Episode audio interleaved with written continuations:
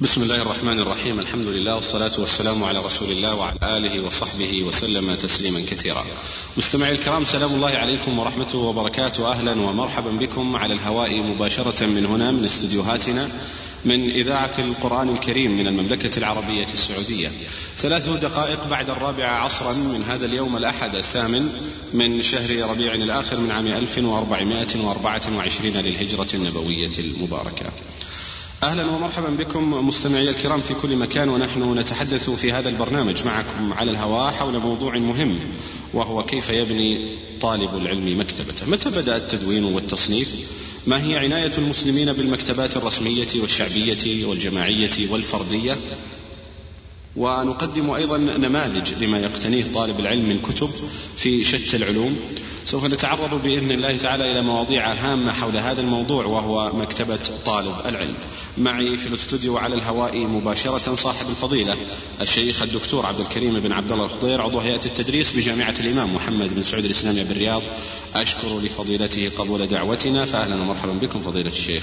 حياكم الله وبارك فيكم وفي الإخوة المستمعين. آه، الشيخ نحن عندما أعلنا الحقيقة عن هذا الموضوع آه، الناس في شوق إلى معرفة جوانب عديدة فيه خصوصا أنه يتعلق بطلب العلم الشرعي آه، العلم المهم الذي به يحمي الإنسان نفسه من كل زلل. أرى أنه من المهم أن نبدأ بمقدمة حول هذا الموضوع نتحدث فيها عن بداية التدوين والتصنيف. متى بدأ هذا الأمر؟ الحمد لله رب العالمين صلى الله وسلم وبارك على عبده ورسوله نبينا محمد. وعلى آله وصحبه أجمعين.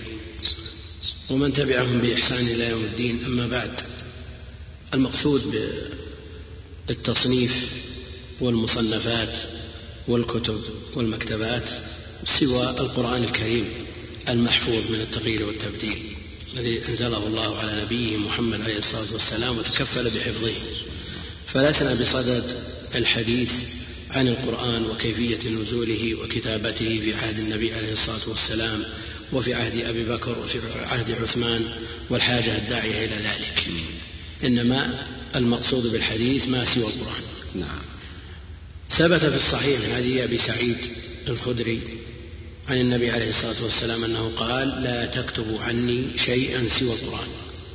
ومن كتب شيئا غير القرآن فليمحو جاء النهي عن الكتابة في عهد النبي عليه الصلاة والسلام في أول الأمر خشية أن يعتمد الناس عليها وينسوا الحفظ الذي هو أولى ما ينبغي أن يهتم به طالب العلم أو أهم المهمات فيما يعتني به طالب العلم. فإذا اعتمد على الكتابة نسي الحفظ وضعف الحفظ. ومن أهل العلم من يرى أن النهي متجه إلى كتابة الحديث مع القرآن في صحيفة واحدة. لئلا يختلط القرآن بغيره. نعم. فلما دون القرآن كتب القرآن في الصحف وأمن ذلك وزال خشية اللبس أذن في الكتابة إذنا عاما. ثبت أيضا في الحديث الصحيح أن النبي عليه الصلاة والسلام أمر بالكتابة. اكتبوا لأبي شاه وقال أبو هريرة رضي الله عنه ما كان أحد أكثر مني حديثا عن رسول الله صلى الله عليه وسلم إلا ما كان من عبد الله بن عمرو فإنه كان يكتب ولا أكتب. ولعل هذا على حسب آه، وهمه رضي الله عنه وأرضاه وأنه كان يتوقع أن عبد الله بن عمرو أكثر منه. أكثر منه. لأن المكتوب الذي يرى صحيح ليس كالمحفوظ. ليس كالمحفوظ. المحفوظ آه، موجود في الأذهان لا وجود له في الأعيان. صحيح. فلا يمكن بيان حجمه. ما دام موجودا في الأذهان أو كان كانت مقولة أبي هريرة رضي الله عنه قبل النبوية. لما طلب منه أن يبسط رداءه فبسطه ثم ضمه بعد أن دعا النبي عليه الصلاة والسلام لم ينس شيئا قط. وصار بذلك أحفظ الصحابة وأجمع الصحابة وأكثرهم رواية. ولا يقاربه ولا يدانيه أحد منهم. ولجمع هذا الكم الهائل من السنة وهو صحابي جليل. آه، دعا النبي عليه الصلاة والسلام أن يحببه إلى الناس ويحب الناس إليه ولذا لا يبغضه إلا منافق. الله أكبر. نسأل الله السلامة والعافية. ولا يطعن فيه وفي حفظه وفي علمه إلا من يطعن في الدين في السنة على وجه الخصوص لأن لم نرى أحد طعن في المقلين. من صحابة النبي عليه الصلاة والسلام لأن الطعن في المقل الذي لا يروي إلا حديث أو حديثين. نعم.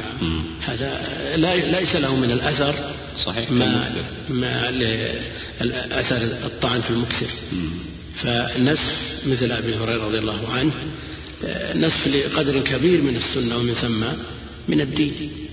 أبيض بن حمال الذي لا يروي إلا حديث واحد ما وجد أحد يطعن فيه. لأن تتبع مثل هؤلاء متعب. بينما الطعن في واحد يحمل السنة أو جل السنة هذا يريح الخصم. صحيح خطير. لا حول ولا قوة والله المستعان. المقصود أن الكتابة أذن فيها بعد المنع. وأجمع العلماء على جوازها.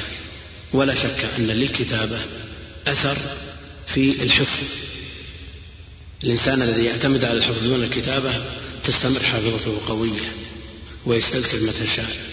والناس يتفاوتون في هذا الباب.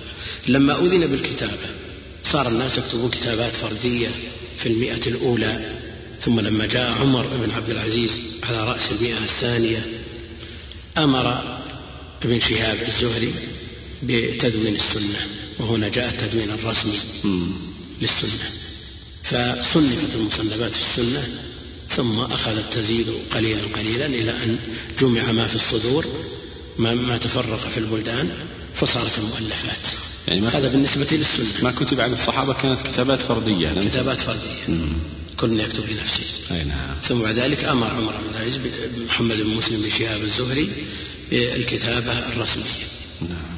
ثم تتابع الناس في التأليف والتصنيف فألفت المصنفات والموطئات والمسانيد والجوامع والسنن وغيرها من فنون الحديث الشريف. هذا بالنسبة لعلم الحديث. علم اللغة بعد أن فتحت البلدان واختلط العرب بغيرهم وخيف بل وجدت مظاهر اللحن احتيج إلى التدوين في اللغة. العلوم الأخرى كلها سبب التدوين فيها الحاجة ماسة إليه ثم بعد أن جمعت الأحاديث والآثار عن الصحابة والتابعين ودون فقه الصحابة وفقه التابعين. بعد ذلك احتاجوا إلى مسائل وحوادث نازلة. فاضطر الناس إلى أن يقيسوا على ما جاء في الكتاب والسنة وما جاء عن الصحابة والتابعين وتوسعوا في هذا الباب فاحتيج إلى تدوين المسائل الفقهية في كتب الفقه على شتى المذاهب المذاهب الأربعة المتبوعة وغيرها. ثم احتيج أيضا إلى علوم تخدم الكتاب والسنة وتخدم أيضا ما ثبت عن السلف في أبواب الدين. احتيج إلى ما يسمى بعلوم أصول الفقه ومصطلح الحديث وعلوم القرآن وغيرها من العلوم التي تخدم الأصلين الكتاب والسنة. فدونت المصنفات وتشعبت وكثرت كثرة بحيث يستحيل الإحاطة بها. تستحيل الإحاطة بها وبالتدريج. ما من عالم إلا ولديه مكتبة وما من عالم إلا وله مصنفات إلا ما ندر إلا ما ضاع منها. هذا بالنسبة ل يعني ما يتعلق باللغة العربية يا شيخ. وما بعدها أيضا. نعم وبعدها من العلوم. كل كل العلوم احتيج إليها. ألفت الكتب الاصطلاحية التي تعين على فهم الكتاب والسنة. كما ذكرنا في علوم القرآن ومصطلح الحديث وأصول الفقه. ظهرت الفرق المخالفة للمنهج السليم الصافي المستمد من الكتاب والسنة. فظهرت طوائف البدع بعد أن ترجمت الكتب.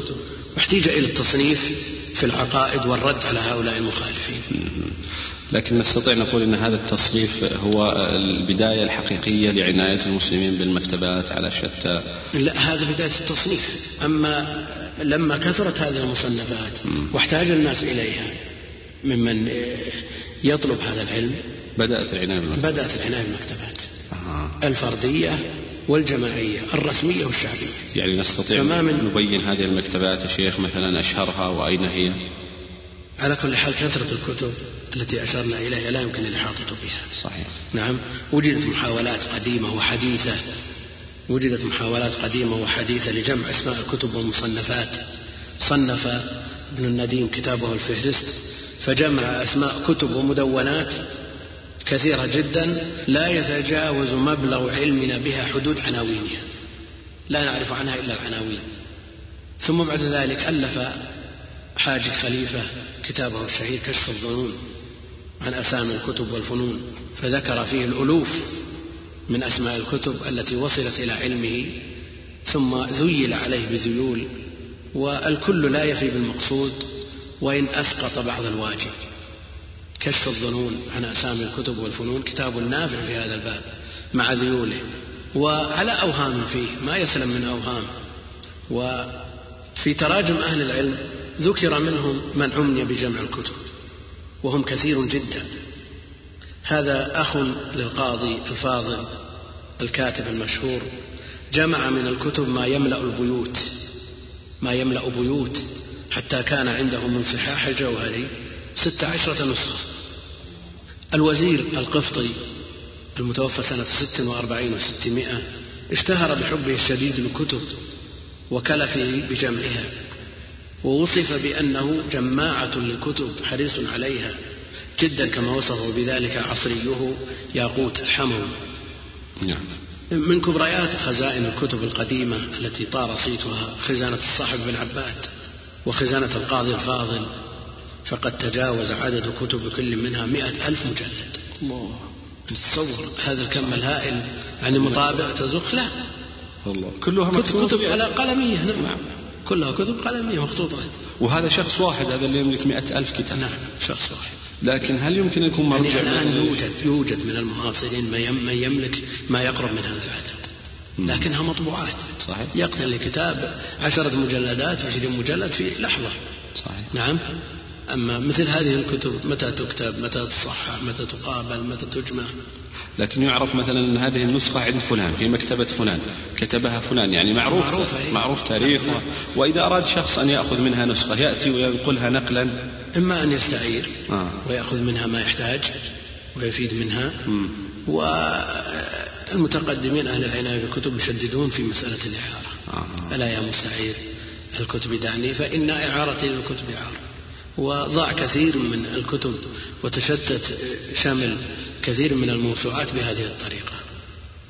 آه، نظير ما ذكرت من مكتبة خزانة الصاحب بن عباد والقاضي الفاضل آه، ما يوجد عند أبي مطرف القاضي بقرطبة. جمع من الكتب في أنواع العلم ما لم يجمعه أحد من أهل عصره في الأندلس وكان عنده ستة وراقين ينسخون له باستمرار. مثابة مطابع عنده ستة ستة أشخاص ينسخون لكن ينسخون يوزعون يا شيخ ولا لا لمكتبته يحتفظون بها؟ يعني ممكن يكون في مكتبة أكثر من نسخة من كتاب واحد. إيه لكنه في آن واحد. يجد كتاب عند فلان أو في المكتبة كذا وكذا يحضره للوراقين إما بإعارة أو بإجارة آه فينسخون له نسخة من هذا الكتاب. آه. إما أن يقتسموا الأجزاء أو كل واحد ينسخ من كتاب معين أقول لا يخلو عالم أو طالب علم مكتبة لأنه لا يمكن أن يستغنى عن الكتب. حتى زاد هذا الاهتمام ووصل إلى حد التكاثر والتفاخر. في نفح الطيب للمقري نعم في وصف قرطبة قال وهي أكثر بلاد الأندلس كتب وأشد الناس اعتناء بخزائن الكتب. صار ذلك عندهم من آلات التعين والرئاسة. حتى إن الرئيس منهم الذي لا تكون عنده معرفة آه، الذي لا تكون عنده معرفة يحتفل ويهتم في أن تكون في بيته خزانة كتب الله. قد يكون لا يقرأ ولا يكتب آه.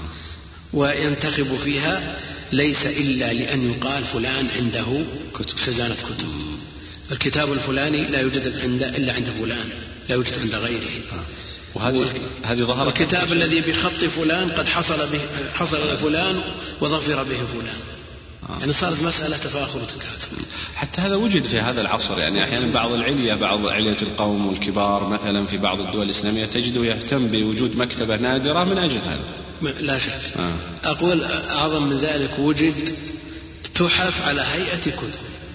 صف في خزائن بحيث يظنها الناظر كتب. فأين النيات؟ صحيح. والله المستعان. في نفح الطيب نقل قال الحضرمي أقمت بقرطبة ولازمت سوق كتبها مدة أترقب فيه وقوع كتاب لي آه، بطلبه اعتناء. أترقب فيه وقوع كتاب لي بطلبه اعتناء إلى أن وقع وهو بخط فصيح وتفسير مليح.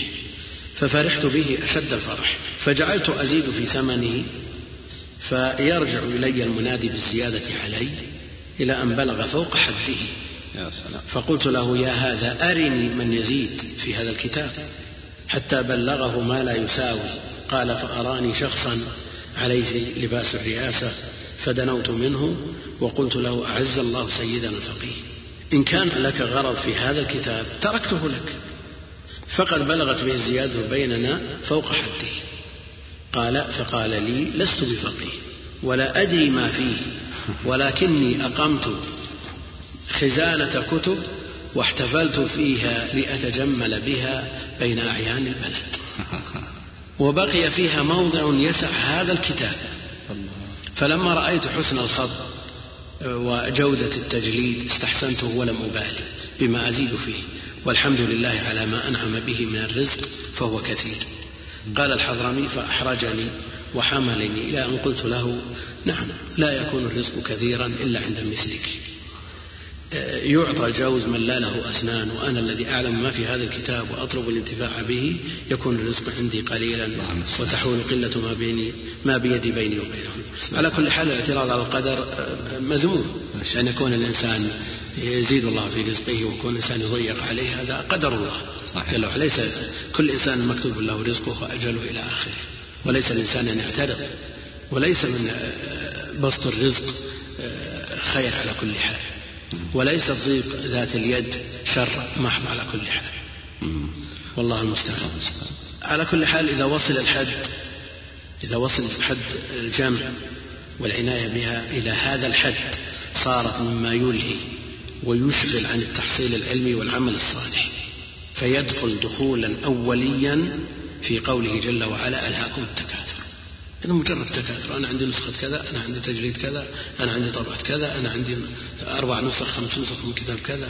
مم. هذا وجد في المتقدمين وفي المتأخرين وهذا ما كنت يعني سأسأل عنه يا شيخ الحقيقة في ثنايا الحديث أن بعضهم يعني يعني يتفاخر أنه يوجد عنده نسخة مثلا أو أوائل النسخ من هذا الكتاب. كتاب لم يطبع منه إلا الطبعات معدودة هذه عنده ربما يدفع عليه مبالغ طائلة من أجل الحصول عليه هل لهذا مردود؟ أنا بلغني أن بعض الكتب التي يطبع منها أربع نسخ خمس نسخ مم. تودع في البنوك. خشية أن يفضى عليها. سبحان الله لا. يعني هل هذا مما يوصل إلى إلى مرضاة الله عز وجل؟ نعم. نقول العلم المطلوب الشرعي ميسر ولله الحمد. بدءا من القرآن ولقد يسر القرآن للذكر. يعني تجد أرخص الكتب في المكتبات القرآن. المصحف. يعني قيمة صحيح. قيمة شرائية لا يعني القيمة لا يوجد كتاب متعبد بتلاوته سوى القرآن. لكن قيمة شرائية تجد أحوج الناس أو ما أشد الناس حاجة إلى كتاب تجده أرخص ما يباع. وهذا من السنن الإلهية. الله. يعني أحوج ما يكون الناس إلى شيء يكون أرخص شيء. يعني ما يحتاجه الناس في مطاعمهم في الأكل والشرب. الماء مثلا أرخص من أرخص لا لا ما يحتاجه من من الغذاء الأصلي الذي يقوم به البدن هو أرخص ما يوجد في الأسواق. ثم بعد ذلك الترف. الكماليات الكماليات أغلى. ثم عاد ما يزيد على ذلك من أمور السرف أغلى واغلى قس على هذا الكتب. آه، يعني من بالنسبة للقيمه الشرائية أرخص ما يوجد مثلا آه، القرآن والبخاري ومسلم ورياض الصالحين والأذكار. الكتب التي تحتاجها عامة المسلمين هذه رخيصة والله لكن تأتي إلى كتب الناس ليسوا بحاجة إليها. الشيخ نسمع أنها تصل خمسين ألف وستين ألف مصحف تصل قانون لبنزين بيع بتسعين ألف. يعني ستين ألف. السبب إنه ما في إلا هو طابع طبعة أوروبية. آه. نادرة لكن إلى قانون لبنزينة تدري أن النووي رحمه الله أدخله في مكتبته فأظلم قلبه وصعب عليه الحفظ حتى أخرجه من مكتبته. لا إله أغلى ما يوجد الآن كتب الذكريات كتب الرحلات.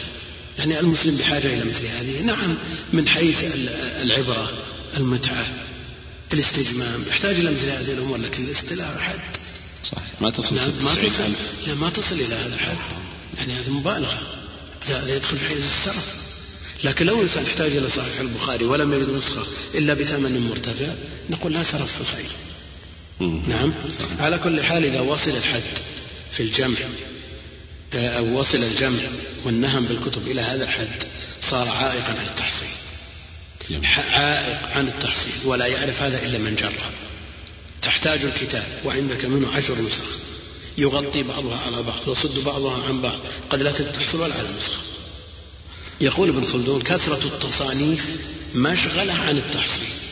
على الإنسان أن يكون متوسطا في أموره كلها. ما يحتاجه من الكتب يقتنيه.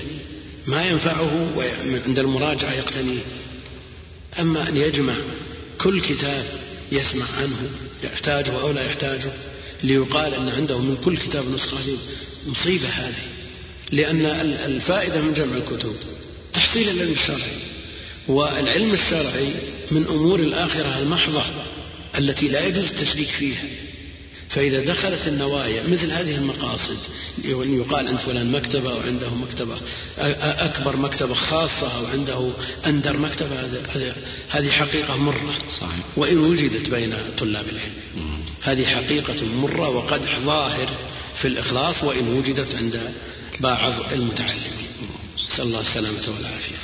وجد الشيخ مكتبات رسمية أيضا في وجد مكتبات رسمية رأتها الدول الإسلامية. آه. يعني في آه، بغداد. نعم دار الحكمة. دور دور يعني آه، في قرطبة واحدة أكثر من سبعين مكتبة ما شاء الله. رسمية. مم. في بغداد في بلاد الحرمين في في مصر وفي غيرها من بلدان المسلمين. في المغرب في المشرق في الهند. تكون مفتوحة لطلبة العلم. مفتوحة طول اليوم. مم. يستفيد منها الناس. على كل حال موجود الحمد لله العناية بالكتب إلى وقتنا هذا صحيح. إلى وقتنا هذا العناية الرسمية والشعبية الآن بعض المساجد بعض المساجد فيها كتب آه، مكتبات متكاملة صحيح. يفيد منها طلاب العلم آه، الجامعات الآن ترعى مكتبات صحيح. نادرة صحيح. تضم شتى العلوم والمعارف صحيح. آه، أيضا غير الجامعة المكتبات العامة عندنا عندنا في هذه البلاد المباركة الشيء الكثير في بلاد الحرمين وفي نجد وفي الأحساء وفي الشمال مكتبات عامة. أيضا مكتبات شعبية أسسها الأفراد صحيح هذا مكتبات متكاملة. فضلا عن مكتبات المكتبات الخاصة بدور العلماء وطلاب العلم. يعني أنتم لما أشرتم من المكتبات المتعلقة بالمساجد يا شيخ وهي خطوة مهمة بدأت تظهر بحمد الله يعني لابد أن نشير إلى شيء من هذا. مثلا مكتبة جامع شيخ الإسلام ابن تيمية في, في الرياض باعتبارها مكتبة كبيرة ولها صيت قوي وتدعم من قبل وزارة الإسلامية دعما قويا. بدأ عدد كبير حقيقة من المساجد والجوامع يحتذون حذو هذه المكتبة التي أفادت طلبة العلم كثيرا. نعم لا شك أن الرياض الآن صار مترامي الأطراف.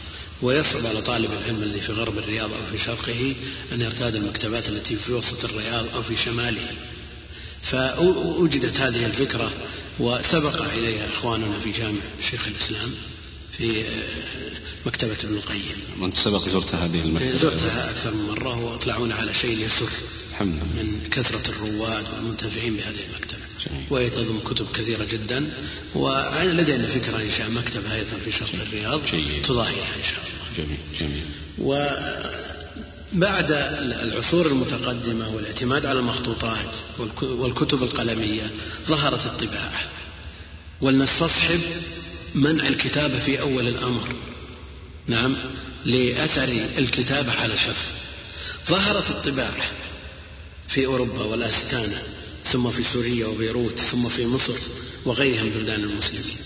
وخشي العلماء في هذه الحقبة على التحصيل العلمي من التأثر لسهولة الحصول على الكتب. لما كانت الخشية في أول الأمر من الكتابة من أن تؤثر على الحفظ الآن آه، خشية من الطباعة أن تؤثر على التحصيل. كيف؟ التجربة أثبتت أنه كلما سهل الحصول على الكتاب أو على المعلومة ضعفت الإفادة. هذا شيء مجرد. خشي العلماء على التحصيل من جراء الطباعة. فأفتى علماء الأزهر بتحريم طباعة الكتب الشرعية. عجيب. هذا وأذن. قديم هذا. في أول ما بدأت أذنوا بطباعة كتب التواريخ والأدب واللغة وغيرها كتب الشرعية قبل. لا يجوز طباعتها سبحان الله. كان العالم أو طالب العلم في السابق إذا احتاج إلى كتاب يضطر إلى نسخه. يضطر إلى نسخه. ومعاناة الكتابة هذا الشيء جربناه وجربه غيره أفضل من القراءة مرارا. أنت إذا احتجت إلى كتاب نعم. آه، لابد أن تكتب الكتاب نعم. تستعيره وتنسى أو تستعيره وتقرأه وتدون ما يهمك منه. صحيح. هذا هل هذا مثل أن تذهب إلى مكتب وتشتري كتاب وترصه مع إخواني في الأدراج؟ لا طبعا. نعم. أنا أقول كتابة كتاب عن قراءته عشر مرات. صحيح. لا أبالغ إذا قلت هذا. على كل حال لكن هذا ممكن في الكتب اليسيرة الصغيرة التي أو أو بعض كل شيء الفوائد. بحسب كل شيء بحسب كل شيء بقدره. يعني ممكن يكتب فتح الباري يكتب يا شيخ. بعد الطباعة ما يمكن. آه. لكن قبل الطباعة ممكن. كتب كتب مرارا صحيح. وجد نسخ مرارا نعم. شخص ما أدركناه أدركنا أحد أولاده يقول إن إن أباه يكتب كل يوم نسخة من النونية. كل يوم. كل يوم. والنونية 5820 بيت. وكل كل كل نسخة بريال. هو يقتات من هذا الناس. يا الله. نعم إذا لم يكن لديه هناك الأهلية للتحصيل ومجرد وراق قد لا يستفيد. لكن إذا كان من أهل العلم ولديه أرضية ولديه أهلية للتحصيل واحتاج إلى هذا الكتاب لما فيه من علم ونسخه لا شك أن مثل هذا يقع موقعه في القلب. بعد أن اضطر الناس إلى الإقرار بالواقع يعني الأمر الواقع الذي فرض نفسه من الطباعة أفتى الناس بجواز طباعة الكتب الشرعية أفتى العلماء وطبعت وتدويلت لكن أثره على التحصيل ظاهر. يعني لا شك أن الطباعة نعمة. الحواسب الآلية التي يأتي الحديث عنها أيضا نعمة. لكن لا تكون على حساب التحصيل. يعني لا يعتمد الإنسان اعتماد كلي ويقول أنا أقتنيت فتح الباري وبعدين. اقتنيت تفسير ابن كثير تفسير الطبري تفسير القرطبي وبعدين. صحيح. بعض بعض طلبة العلم عنده تفسير ابن كثير ولم يقرأه أبدا. ومن كبار. طلبة العلم. موجود. طبعت الكتب الشرعية وأجمع الناس على جوازها والإفادة منها. وأثره على التحصيل ظاهر قد يقول بعض آه، الناس ممن لا يدرك حقيقة الأمر أنا حقيقة عانيت من قراءة الكتب ومن نسخ الكتب وتدوين الفوائد وغيرها لكن قد يقول قائل إيش الطباعة الآن نعم تيسرت لنا هذه النعم. نقول تيسرت والحمد لله ونقر بأنها نعمة الحواسب نعمة لكن نستفيد منها بقدر ما يعيننا على تحصيل العلم منها ولا نعتمد عليه اعتماد كلي. بعد الطباعة تجاوزنا مرحلة الطباعة وفرضت نفسها واقتنى الناس الكتب ورصوها بالخزائن وبعض الناس اقتنى. ألوف مؤلفة من الكتب ما لم يطلع على شيء منها إلا العناوين. يأتي يرتبها وينظفها وهذا قبل هذا وهذا بعد هذا. هذه العناية مفيدة شيء واحد. وهي أن السوس والأرض يعني تؤمن بإذن الله من خلال تقليبها من, من, من يمين إلى شمال من درج إلى درج لكن التحصيل العلمي أين ما في. قد يقول قائل إن, أن معرفة الكتب معرفة الطبعات فن. نقول فن لكنه مو فن غاية. فن وسيلة إلى غيره. جاءت الحواسب الآلية التي جمعت من العلوم والمعارف على أقراص صغيرة ما لم يحلم به عالم أو متعلم. أشياء مذهلة. يعني لا نبالغ إذا قلنا أن بعض العلماء من المتقدمين قبل الطباعة مثل الحواسب في حفظه. الله. يعني من يحفظ سبعمائة ألف حديث؟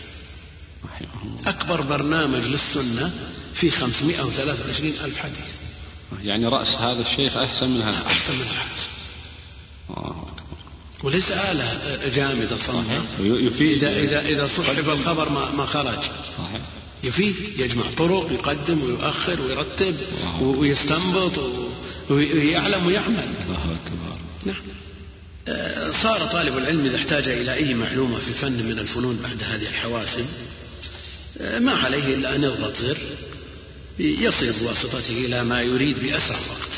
وهذا أيضا على حساب التحصيل العلمي. لأن العلم متين لا يستطاع براحة الجسم كما قال يحيى بن أبي كثير. يحيى بن أبي كثير كما ذكر الإمام مسلم في صحيحه في أثناء أحاديث المواقيت قال يحيى بن أبي كثير لا يستطاع العلم براحة الجسم. لو كان العلم استطاع براحة الجسم ما أدرك الفقراء شيء. نعم. صار الناس كلهم علماء. العلم لا يخفى ما ورد فيه من النصوص الحث عليه وبيان منزلة أهل العلم ورفعهم درجات. نعم. كان كل الناس علماء لو كان العلم استطاع براحة الجسم لكن لابد من معاناة لابد من سهر لابد من عكوف على الكتب لابد من مزاحمة الشيوخ وال- والزملاء. ولهذا لا بد من مباحثة العلم ومدارسته. نعم. يعني نلاحظ مثلا لو جاء طالب علم يخرج حديث عن طريق الحاسب الآلي يحصل على المعلومة بسرعة. لو رجع إلى الكتب تجد أنه يستفيد كما يقال في طريقه في طريق المرور. على هذا الحديث مئات الفوائد من أجل أن يصل إليه. الآن يحتاج إلى بحث مسألة. نعم. نعم. في كتاب. فيقلب هذا الكتاب فيقف على عشرات المسائل صحيح. كثير منها أهم من مسألته التي يبحث عنها. صحيح. لكن يضغط زر يطلب مسألة تخرج المسألة من أولها إلى آخرها بمصادرها ثم ماذا؟ هل يحفظها طالب العلم بهذه الطريقة؟ لا يمكن. لأن الشيء الذي يأتي بسهولة لا يمكن أن يستوعب بسهولة أو يحفظ بسهولة بل يفقد بسهولة. يحيى بن أبي كثير لما قال لا يستطاع العلم براحة الجسم لا شك أنه من من خلال معاصرة ومعايشة للعلم ولما رأى عليه شيوخه وزملائه وأقرانه من معاناة. تصور قبل وجود هذه النعم من الكهرباء وغيرها التي لا لا يختلف الليل عن النهار بالنسبة للظل الحمد لله والله المستعان. كانوا يكتبون على ضوء القمر يكتبون على ضوء القمر.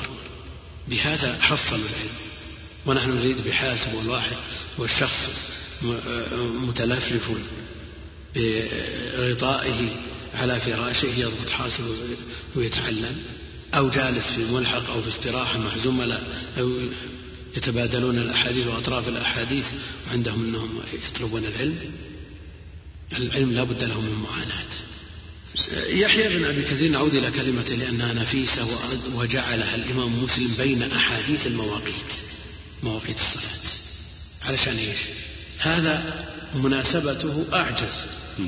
أعجز الشراح أن يوجدوا مناسبة لكلام يحيى بن أبي كثير الذي أودعه مسلم هنا. الإمام مسلم أعجبه سياق هذه الأحاديث سياق الأحاديث المتون والأسانيد بهذه الطريقة. وأراد أن ينبه أنه لا يمكن أن يصل الإنسان إلى مثل هذه العلوم بهذه الطريقة بهذا السبك العجيب براحة, براحة الجسم. الله. فأجاء فأتى, فأتى بهذا من شعور أو من لا شعور. الله. نعم هذه الوسائل نعم. إن استفيد منها واستعين بها على الوجه المناسب ولم يعتمد عليها وإلا فهي عائق عن التحصيل. من وجوه الانتفاع بهذه الحواسب؟ إذا ضاق الوقت على خطيب مثلا أو محاضر. وأراد أن يتثبت من حديث أو أثر أو نقل أو غير ذلك بحيث لا يستطيع الرجوع إليه يضيق الوقت. نعم له ذلك استفاد منه. كذلك من أراد اختبار العمل. من أراد اختبار عمله بحث هذه المسألة من جميع ما وقف عليه من كتب وجميع ما قيل فيها. وإن كان حديث جماعة جميع ما وقف عليه ما أمكنه من الطرق ثم أراد أن يختبر عمله كان هناك زيادة. فهذه الزيادة التي يأخذها من هذا الحاسب تقع في قلبه موقع بحيث تثبت. نعم. مثل ما لو بحثها في كتاب. نعم. آه، إما أن تكون هذه الآلات وسائل للتحصيل ابتداء عوضا عن القراءة والمطالعة والحفظ وحضور الدروس ومجالس العلم فلا. طيب. شيخ استاذنك الحقيقة معنا اتصال هاتفي من آه، الشيخ يوسف الخلاوي. الشيخ يوسف السلام عليكم. عليكم السلام ورحمة حياكم الله شيخ. نحن نتحدث مع فضيلة الدكتور عبد الكريم الخضير حول مكتبة طالب العلم. بصفتكم أيضا تشرفون على موقع مهم على شبكة المعلومات هو موقع ثمرات المطابع. هذا الموقع الذي يهتم بالكتب ويدل عدد من طلبة العلم على هذه الكتب. كان أيضا توقيت الاتصال والشيخ يتحدث عن الاستفادة من هذه التقنية الحديثة في مجال طلب العلم. لعلكم تحدثوننا عن هذا الجانب ما يتعلق بالاستفادة من من طلبة العلم عن طريق الإنترنت. تفضل يا شيخ. بسم الله الرحمن الرحيم الحمد لله. على رسول الله أولا أقدم شكر الجزيل على هذا البرنامج ثم على مثل هذه الموضوعات المهمة والقيمة. حقيقة الاستفادة من التقنية الحديثة عن طريق أو الاستفادة من التقنية الحديثة لبناء طالب العلم لا بد أن ننتبه أنها تختلف كثيرا عن الاستفادة من هذه التقنية لمجرد الثقافة أو مطالعة الأخبار أو نحو ذلك من مجالات الفوائد العلمية الأخرى. طالب العلم عنده معايير تختلف في التثبت في معرفة آه، هذه الكتب مثلا الموجودة ونحو ذلك. ولذلك للأسف الشديد مع ما يمكن أن نجنيه من فوائد عن طريق التقنية إلا أنها أضافت إلى هذه الفوائد جملة من المظاهر السيئة التي ينبغي أن ننتبه لها. لكنني سأركز الآن على شيء من الفوائد. من هذه الفوائد آه، معرفة الكتب الجديدة واقتنائها إذا كانت نسخا سليمة مصححة وهذا موجود الآن بفضل الله ويزداد يوم بعد يوم بكثرة خاصة إذا كان طالب العلم فقيرا. لا يستطيع أن يقتني كثيرا من الكتب الكبار نعم. مع أهميتها فيمكن أن يجدها متاحة. لكن كما قلت بشرط أن تكون هذه الإتاحة في مكان معروف في موقع معروف يشترط الشروط العلمية المعتبرة للتوثيق. هذه من أهم الفوائد. من الفوائد الأخرى المشاركة والتنادي إلى العمل الجماعي في كثير من الأعمال العلمية مثل البحث عن الخطية أو اقتناء النسخ الصحيحة القديمة هذه هذه هذه تقومون بها يا شيخ في موقعكم تهتمون بهذا الجانب؟ آه، الموقع حتى الآن مختص بال بال بالإعلام بالكتب الجديدة آه. وتقديم قراءات علمية فيها لكن هناك حاجة ماسة للتخصص صحيح. في مجال الأشياء القديمة جيد. في الكتب القديمة جيد. ونحو ذلك لكن نستطيع شيخ يوسف نقول من خلال موقعكم مثلا أننا نرصد آه، مستوى الدخول على الكتب الشرعية أنه مستوى عالي آه، أم أم لا نستطيع؟ هل هناك مؤشر عندكم كتب الحديث أكثر كتب الفقه؟ نعم هناك هناك مؤشرات آه، وفي الغالب الكتب الشرعية لها حضور قوي جدا.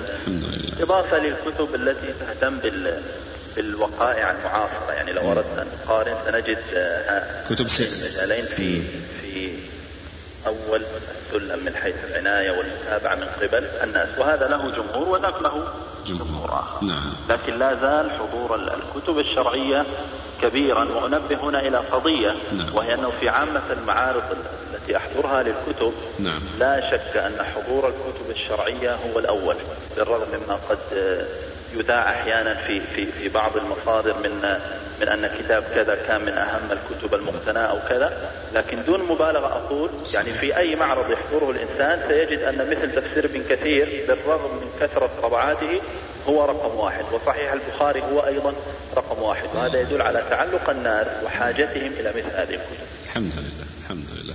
جزاك الله خير شيخ يوسف أشكر لك المداخلة الطيبة وأتمنى لكم التوفيق. شكرا لكم.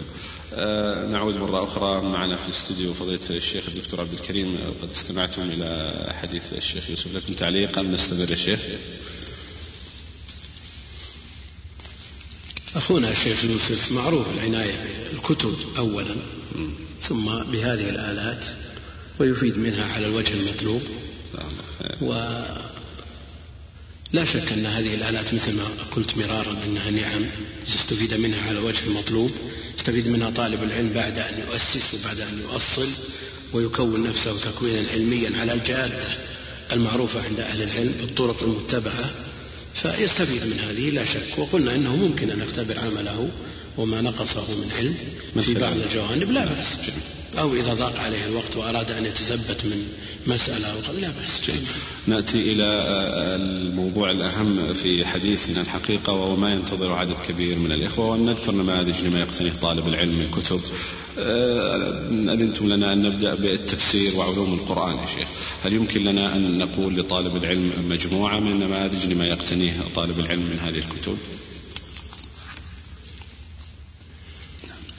في المقدمة التي قدمناها نعم. ذكرنا أن الكتب كثيرة جدا لا تمكن الإحاطة بها وأن الإكثار منها أيضا على حساب التحصيل وأنه عائق عن التحصيل لكن لطالب على طالب العلم أن ينتقي ما يفيده ويعنى بهذه الكتب بطبعاتها المتميزة المعروفة لدى أهل العناية ويسأل قبل أن يقتني عن الطبعة المناسبة فكم من كتاب طبع مرارا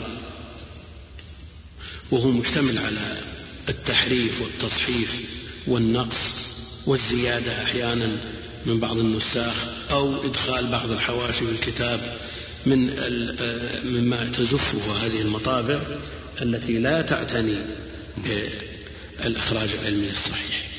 على طالب العلم في البداية أن يعتني بهذا الأمر لئلا يضطر إلى أن يشتري الكتاب مرة ثانية وثالثة ورابعة لأنه وجد في هذا من الخلل كذا ووجد في هذا. نعم أكثر من خلل يعني. نعم. استاذنك يبدو أن معنا اتصال فضيلة الشيخ فاعذرنا على المقاطعة. معي آه، فضيلة الدكتور عبد المحسن العسكر. آه، دكتور السلام عليكم. وعليكم السلام ورحمة الله وبركاته. حياكم الله. دكتور معنا آه، فضيلة الشيخ الدكتور عبد الكريم الخدام نحن نتحدث عن مكتبة طالب العلم لعلكم تابعتم شيء ما تفضل به فضيلة الدكتور إذا كان لكم تعليق. إي نعم. تفضل يا شيخ. آه، اولا أشكر بادي الرأي إذاعة القرآن ببرامجها الثمينة وطرحها المميز القيم. وهذا الموضوع الذي يحاور فيه الأستاذ القدير المذيع الناجح فهد السنيدي. يحاور فيه فضيلة شيخنا المتفنن الدكتور عبد الكريم بن عبد الله الصغير عن الكتاب شؤونه وشجونه. وأقول قد طرق فضيلة الشيخ جوانب عدة من الموضوع وغني عن البيان أن نفضح عن قيمة الكتاب. الكتاب في الحقيقة هو لذة العالم وانيس الجليس وسلوة الغريب. أقول إن العلماء لا يملكون ثروة ولكن ثروة العالم مكتبته وريحانته كتابه.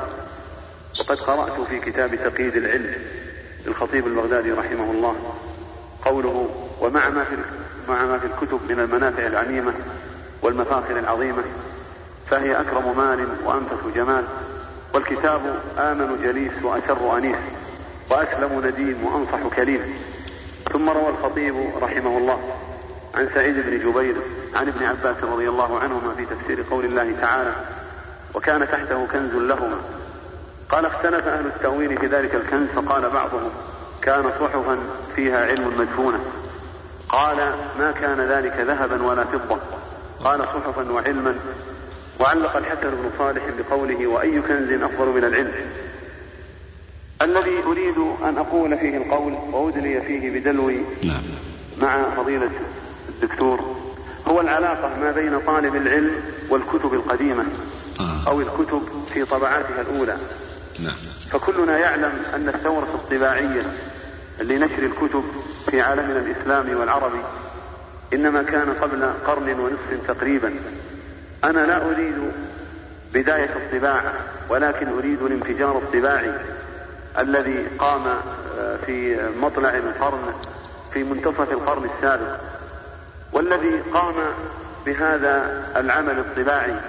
وقام على نشر تلك الكتب وتصحيحها في ذلك الزمان علماء كبار بل كانوا من فحول العلماء. لهم نصيب في نشر العلم ولهم مصنفات. وكانوا علماء في اللغة والفقه والأصول. كان في مصر مثلا الشيخ محمد العدوي والشيخ طه محمود والشيخ نصر الهوريني والشيخ إبراهيم الدسوقي. والشيخ إبراهيم الفيومي والشيخ محمد الغمراوي والشيخ محمد الحسيني والشيخ محمد البلبيسي والشيخ سيد بن علي المرصفي وكان في العراق ممن قام على نشر كتب السلف وعلومهم الشيخ محمود شكري بن عبد الله الألوسي. وكان في الشام الشيخ محمد جمال الدين القاسمي. أقول إن هؤلاء العلماء وأضرابهم وبين يدي قائمة من هؤلاء هم في الحقيقة الذين أخرجوا للناس الكتب ونشروا فيهم آثار السلف في الحديث واللغة والفقه والتاريخ والأدب وغير ذلك من فنون الإسلام. لا يمتري أحد في أن ما أخرج هؤلاء أصح نصا فهؤلاء أعلم من غيرهم وأدرى بأساليب المصنفين لأنهم علماء. كان الواحد منهم يعكف على الكتاب الواحد سنين عددا يدقق ويتحرى ويصحح. هذا تاج العروس في طبعته الأولى وبأجزائه العشرة الضخام أخرجه رجل واحد لسان العرب بأجزائه العشرين. نشره وصححه رجل واحد هو الشيخ محمد الحسيني. إتحاف السادة المتقين في شرح إحياء علوم الدين أخرجه الشيخ محمد الزهري الغمراوي وهو في عشرة مجلدات كبار. وهذا مسند الإمام أحمد بأجزائه الستة وهو معروف طبعه رجل واحد هو محمد الغمراوي. وشرح البخاري للقسطلاني وأجزاؤه عشرة. قام على طبعه رجل واحد هو الشيخ إبراهيم الدسوقي. كان من أولئك العلماء المتقدمين من وضع مدرسة تعلم أصول النشر نعم. كما فعل الشيخ سيد ابن علي المرصفي المصري رحمه الله. فإنه تخرج لديه في النشر والتحقيق ثلة من كبار العلماء.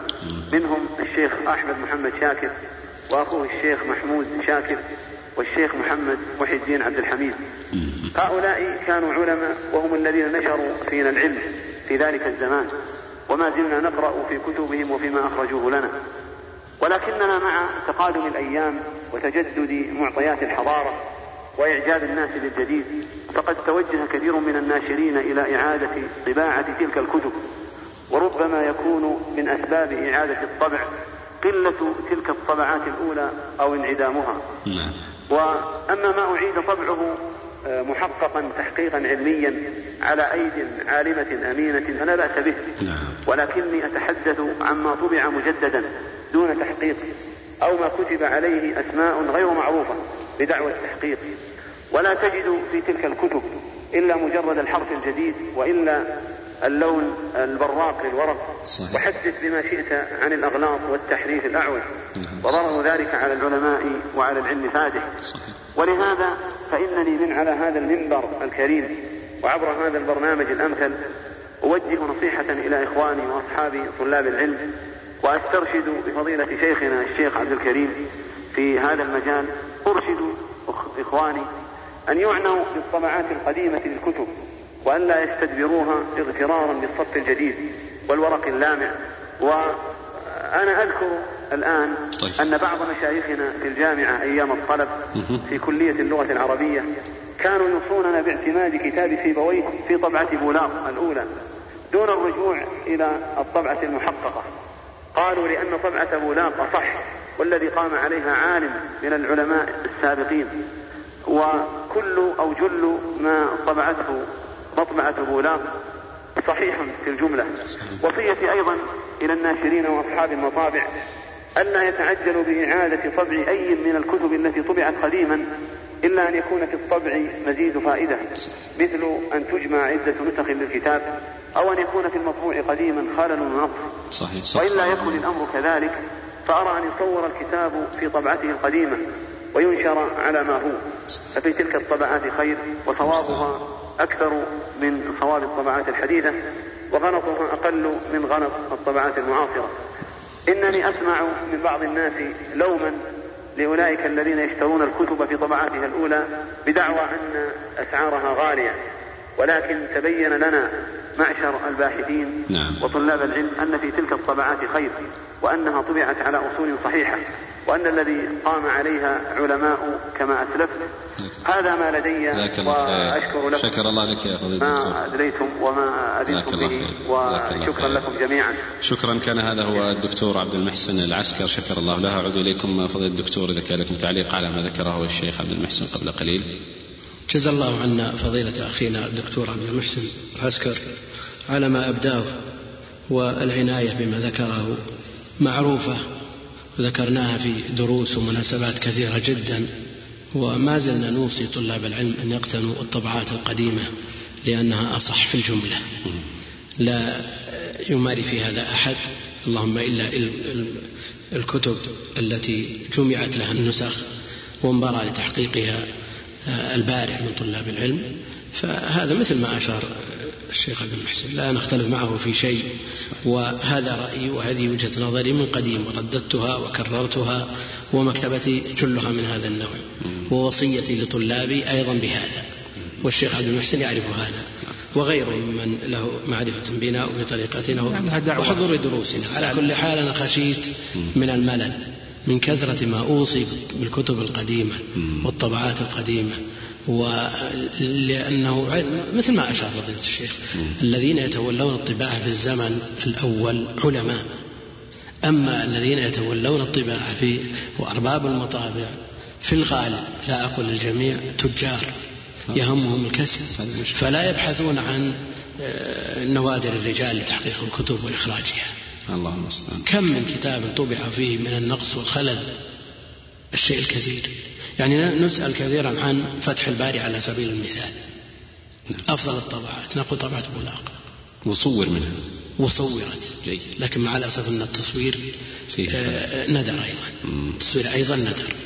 رغم أن الكتاب طبع مرارا بعد ذلك لكن لا يغني عن طبعة البلاغ أي طبعة من أراد أن يكتفي بالسلفية الأولى التي طبعت في حياة الشيخ الأولى سنة 1380 الشيخ عبد العزيز بن باز نعم, نعم. تولى تصحيح جزئين وبعض الثالث بنفسه وترك الباقي للطابع محب الدين الخطيب على أن يعتمد على طبعة بولاق لأنها نسخة صحيحة ومتقنة متى يطبع فتح الباري بالمستوى الذي طبعته في بولاق مهما قيل عن الطبعات الجديدة أنها قوبلت وقدمت وعلق عليها وخرجت لا يمكن حتى السلفية الثانية والثالثة فيها من الخلل الكبير ما لا يوجد في السلفية الأولى.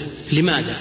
لبعد البون بين الشيخ محب الدين الخطيب وبين أولاده ومن تولى الطباعة بعده فالشيخ محب الدين الخطيب تولى الطبعة الأولى بنفسه بينما الطبعة الثانية والثالثة تولاها غيره. ولا شك أن للعالم بصمات فيما تولاه. صحيح. والكتب القديمة عندنا ترتيب للمطابع معروف وأولويات للاقتناء هذا يطول بسطه. هذا يطغى على الموضوع الحديث ذو شجون وأثرناه مرارا وفي مناسبات وفي دروس وألمحنا له في البرنامج المعروف شرح التجريد مرارا أيضا في بعض الكتب. وما يمر بنا كتاب ننقل منه إلا أن نذكر طبعته المهمة صح. نعم. الله يجزاك لعل نستمر في ذكر مكتبة طالب العلم فيما يتعلق بالتفسير وعلوم القرآن. نعم. آه، طالب العلم يحتاج من كتب التفسير ما يعينه على فهم كتاب الله عز وجل وما يعينه على تدبر كتاب الله وما يعينه على الاستنباط من كتاب الله. فهناك كتب مختصرات مناسبة للمبتدئين وإن كان في بعضها بعض المخالفات التي يجب التنبيه عليها. هناك تفسير مناسب لطبقات المجتمع كله. تفسير الإنشائي مستمد من كتب التفسير الموثوقة هو تفسير الشيخ عبد الرحمن بن سعد. هذا مناسب للمتعلم وغير المتعلم للمتخصص في العلوم الشرعية وفي غيرها للطبيب للمهندس للمثقف للتاجر لرب الأسرة وربة البيت وهكذا. كل يستفيد منه. لأنه آه، صيغ بأسلوب العصر. آه، هناك تفسير أيضا مختصر جدا وغير منتشر بين طلاب العلم مع الأسف وهو يفيد كثيرا. تفسير الشيخ فيصل بن مبارك. توفيق الرحمن لدروس القرآن. هذا الكتاب رغم اختصار مطبوع مطبوع قديما وطبع جديدا. توفيق الرحمن. لدروس القرآن. هذا في طبع في أربعة أجزاء وهو مستمد ومختصر من الطبري والبغوي وابن كثير. وهذا كتاب نافع في بابه لمن لا يسعفه الوقت بالرجوع إلى الأصول القديمة لا سيما الثلاثة المذكورة. هناك أيضا تفسير مناسب ومختصر جدا وهو تفسير الجلالين جلال الدين المحلي وجلال الدين السيوطي وهو أشبه بما يكون بالمتن متن علمي متين بحاجة إلى مطالعة حواشي ويحتاج أيضا إلى من ينبه على ما فيه من ملحوظات من أهل العلم. نعم, نعم وإلا في الكتاب من أنفع ما ينفع طالب العلم لأنه مختصر جدا. سبق لكم أخرجتم بعض الملاحظات على هذا التفسير يا شيخ. شرحنا شرحنا بعض هذا الكتاب في, نعم. في دروس المسجد. نعم. ونشر منه ما يتعلق بسورة الفاتحة في أربعة أشرطة نعم. لكن رأيناه على طريقتنا هذه يطول جدا. نعم. يطول إذا كانت الفاتحة أربعة أشرطة ماذا عن البقرة مثلا؟ على كل حال الشيخ عبد الرزاق العفيفي له على الربع الأخير آه، تعليقات نافعة. نعم. تعليقات نافعة. على ربعه الأخير لما كان مقررا على المعاهد العلمية. التفسير في غاية الاختصار. شخص من من طلاب العلم في اليمن قبل قرن أو أكثر. احتاج إلى أن يقرأ في هذا التفسير فأشكل عليه هل يقرأه بطهارة أو بدون طهارة. نعم. فقيل له الحكم للغالب. هل غالب التفسير أو القرآن؟ ذهب يعد الأحرف. الأحرف. عد حروف القرآن حروف التفسير فوجدها إلى سورة المزمل واحدة ما تزيد حرف. لا إله إلا نعم. ثم من بعد من المدثر إلى آخر القرآن زاد التفسير قليلا فانحلت عنده المشكلة. على كل حال هذا التفسير رغم أهميته ومتانته إلا أن فيه شيء من المخالفات العقدية. هناك تفسير أوسع منه بل أشهر وهو تفسير البيضاوي. أوسع من الجلالين وهو أيضا كتاب متين متقن يستفيد منه طالب العلم لا سيما ما يتعلق بالصناعة اللفظية. عليه حواشي عديدة والعلماء به عناية عجيبة. يعني بلغت الحواشي عليه أكثر من 120 حاشية. ويندر أن يأتي نسخة من تركيا أو من آه، سوريا وليس عليها حواشي قلمية. فالكتاب وضع له قبول. هناك تفسير مختصر جدا يسمى التسهيل تفسير ابن جزي كلبي. هذا تفسير أيضا مختصر ومحرر ومتقن ومضبوط وهناك أيضا تفسير الناسفي وهذه كلها مختصرات. لكن تفسير الشيخ ابن سعدي لا يستغني عنه أحد. تفسير الشيخ فيصل المبارك أيضا يحتاجه طالب العلم لا سيما عند ضيق الوقت. آه، تفسير الجلالين أيضا مهم بالنسبة لطالب العلم. تفسير البيضاوي وما عليه من حواشي. نقتصر من ذكر نقتصر على بعضها كحاشية زادة التي يتفق المترجمون على أنها أفضل الحواشي. هناك حاشية الشهاب هناك حاشية القونوي هناك حاشية ابن التمجيد حاشية الكازروني حواشي كثيرة منها المطبوع ومنها المخطوط نعم. هناك كتب في التفسير أطول من هذه يتصدرها تفسير الإمام الحافظ ابن كثير رحمه الله تعالى وهو مناسب لكافة المتعلمين قد يمله غير المتخصص في السنة لكثرة أو لكثرة ما يسوقه من آثار بالأسانيد وما فيها من تكرار ولذا انبرى لاختصاره جمع من أهل العلم من أفضل المختصرات اختصار الشيخ أحمد شاكر. عمدة التفسير عن الحافظ بن كثير. منها أيضا تيسير العلي القدير للشيخ محمد نسيب الرفاعي. رحمة الله على الجميع. هذه مختصرات جيدة لتفسير الحافظ بن كثير على أن الأصل لا يغني عنه شيء. الأصل لا يغني عنه شيء. لكن من كان يمل من ذكر الأسانيد ولا لأن هذه أمور قد لا يستفيد منها كثير من قراء التفسير. فأيضا هناك تفسير البغوي وتفسير أثري سلفي. آه، لا يخلو من ملاحظات يسيرة جدا لكنه في الجملة أثنى عليه شيخ الإسلام وأئمة الإسلام وواقع الكتاب آه، لا شك يشهد بهذا. تفسير الخازن وهو مختصر من البغوي مع إضافات. وله شهرة وانتشار في غير هذه البلاد صاحبه يذكر أقوال بعض المتصوفة وله عناية بذكر ما يتعلق بالمرققات الرقائق. تفسير الزمخشري الكشاف على ما فيه من اعتزاليات يقرأه طالب العلم بحذر ويقرأ ما كتب عليه من آه، حواشي تبين هذه الاعتزاليات. هناك تفسير الخطيب. خدم مؤخرا يعني بينت هذه الأشياء فيه فيه حواشي تبين اعتزاله. المنير وغيره بين اعتزاليات نعم. كثير من أهل العلم تصدوا له. طيب. على كل حال مفيد في بابه في اللغة يستفاد منه في الناحية اللغوية. آه، تفسير الخطيب الشربيني هو كاد يجمع بين البيضاوي والزمخشري. أطول من هذه الكتب تفاسير تفسير إمام المفسرين محمد بن جرير الطبري. الذي هو أعظم تفسير على الإطلاق ويجمع تفاسير السلف يجمع تفاسير السلف بالأسانيد والكتاب مطبوع مرارا طبع أولا بالمطبعة الميمنية ثم في بولاق ثم بعد ذلك حققه الشيخ محمود شاكر. محمود شاكر. حقق إلى إبراهيم إلى سورة إبراهيم في ستة عشر جزءا. نعم. أكمل فيما بعد ذلك ثم حققه الدكتور عبد الله التركي.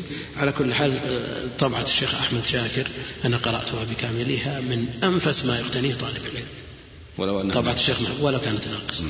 فإذا أضيفت إلى طبعة بولاق التي هي الأصل واعتمد عليها الشيخ محمود شاكر اعتماد مع ما وجده من من نسخ لكن طبعة بولاق لا يعدلها شيء.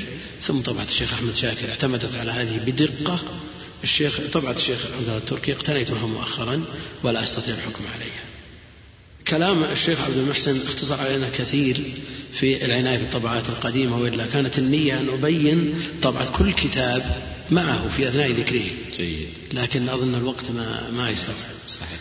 هناك أيضا من له عناية باللغة عليه أن يعتني بتفسير البحر المحيط.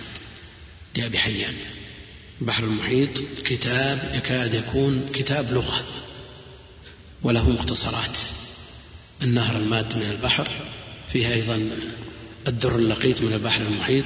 المقصود أن هذا كتاب ينفع في ما يتعلق بالناحية اللغوية في القرآن. وهناك تفسير الرازي تفسير كبير على اسمه التفسير الكبير للفخر الرازي. هذا التفسير آه، طالب العلم المبتدئ والمتوسط الذي لم يتأهل للنقد لا ينبغي أن ينظر في هذا التفسير. البتة. لأن مؤلفه بارع. قد يمرر ويمشي كثير من الشبه على أحد المتعلمين. بل قد لا يدرك بعض المتأهلين. بعض نعم. بعض الشبه والسياقات التي يسوقها في تقرير بعض الشبه. واتهم في ذلك. حتى قيل إنه يسوق الشبه نقدا ويجيب عنها نسيئة. يضعف عند ردها. هناك شبه لا يرتضيها وليست من مذهبه يعني أعظم من مذهبه فوق مذهبه ثم بعد ذلك يسوقها ويجليها بقوة ثم يضعف عن ردها. ولذا لا ينصح طالب العلم بقراءة هذا التفسير حتى يتأهل. أما إذا تأهل فالتفسير فيه فوائد وقد قيل فيه إنه فيه كل شيء للتفسير لكن هذا جور فيه تفسير فيه تفسير. هناك تفسير ابن عطية أثنى عليه شيخ الإسلام ومطبوع متداول محقق وكتاب نافع. هناك تفسير الألوسي أيضا تفسير مطول اسمه روح المعاني تفسير القرآن العظيم والسبع المثاني لأبي الثناء محمود الألوسي الجد كما هو محمود شكري نعم. جده هذا التفسير جمع فيه ما هب ودب ونقل, ونقل فيه النقول المتباينة فيقول قال شيخ الإسلام ابن تيمية ويقول قال الإمام المحقق ابن القيم ويقول قال محي الدين بن عربي قدس سره يعني خلط. المقصود أن فيه فوائد يستفيد منه طالب العلم لا سيما المتأهل. وفيه أيضا عناية بالتفسير الإشاري. تفسير الصوفية تفسير الإشاري. نعم. على كل حال الطالب المتأهل لا خوف عليه على أنه ينبغي أن يجعل طالب العلم في مكتبته ختم لتبرأ ذمته. ختم يكتب فيه هذا الكتاب فيه مخالفات عقدية. هذا الكتاب فيه كذا هذا الكتاب مذهب صاحب كذا ليبرأ من عهدة وجوده ممن يأثره بعده أو يطلع عليه في مكتبته ويتأثر بمثل هذه الكتب يختم على الكتاب. نعم. جيد. طيب. هناك كتب ألفت في جوانب من القرآن مثلا أحكام القرآن. نعم. أحكام القرآن أولاه أهل العلم عناية من ذلك أحكام القرآن للشافعي جمع من كلام الشافعي. أحكام القرآن لابن العربي. كتاب لطيف ونفيس طبع في أربعة أجزاء أحكام القرآن أي ابن العربي أبو بكر القاضي القاضي أبو بكر بن العربي المالكي نعم لا نعني بذلك اللي يسمونه محي الدين بن عربي نعم. صاحب الفصوص والفتوحات نعم. له تفسير منسوب إليه وتفسير ردي على مذهبه في وحدة الوجود جيد. ولذلك ما أشار إليه ما أشار إليه جيد. ولا ينبغي أن يقتني طالب العلم نعم. تفسير هناك أحكام القرآن لابن العربي كتاب لطيف وفيه نكات وطرائف ونوادر حصلت لابن العربي مع شيوخه وبعض أقرانه وفي رحلاته. المقصود أن طالب العلم يستفيد من هذا الكتاب. هناك أيضا أحكام القرآن للجصاص. استنباط أحكام القرآن من وجهة نظر الحنفية. كتاب ماتع وجامع ونافع لكن لا يسلم من لوثة اعتزال. صاحبه هناك أحكام القرآن للكير الطبري الهراسي. أيضا كتاب نافع وفيه لطائف وفوائد. وإن كان لكن هذا لا يعنينا في هذا الباب لكن الطبري له موقف من الحنابلة وقصة مشهورة. نعم. أي الله المستعان. رحمه الله. هناك الجامع. الجامع وهو بحق جامع لأحكام القرآن للقرطبي. كل الصيد في جوف الفرع جميل. هذا التفسير جامع على اسمه. وطبع وما طبع مرارا. نعم. لكن أجود طبعاته آه، طبعة دار الكتب المصرية ليست الأولى. الطبعة الثانية. وهناك ثانية أكثر من مرة. طبع ثانية. الكتاب يعني يشكل في طبعته الجزء الأول طبع يمكن خمس مرات. الجزء الثاني من الثاني إلى الثاني عشر. طبع ثلاث مرات. ثم من الثالث عشر إلى العشرين طبعت مرتين. أولى وثانية فقط. ثم من واحد إلى عشرين. هذه الطبعة الأخيرة في دار الكتب المصرية التي قوبلت على نسخ كثيرة بعض الأجزاء قبل على ثلاثة عشرة نسخة فالكتاب عني به من ناحية الطباعة عني به عناية فائقة. وفيه الإحالات السابقة واللاحقة.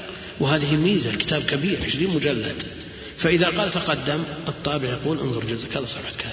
إذا قال سيأتي يقول انظر صفحة كذا جزء كذا هذه ميزة الطبعة الثانية الطبعة الأولى ليس فيها هذا.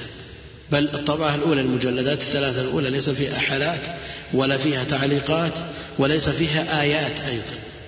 آه. بينما الطبعة الأخيرة آه، كاملة من كل وجه. المقصود أن هذا الكتاب بحر محيط فيما يتعلق بأحكام القرآن ويمكن أن يؤخذ منه فقه المالكية.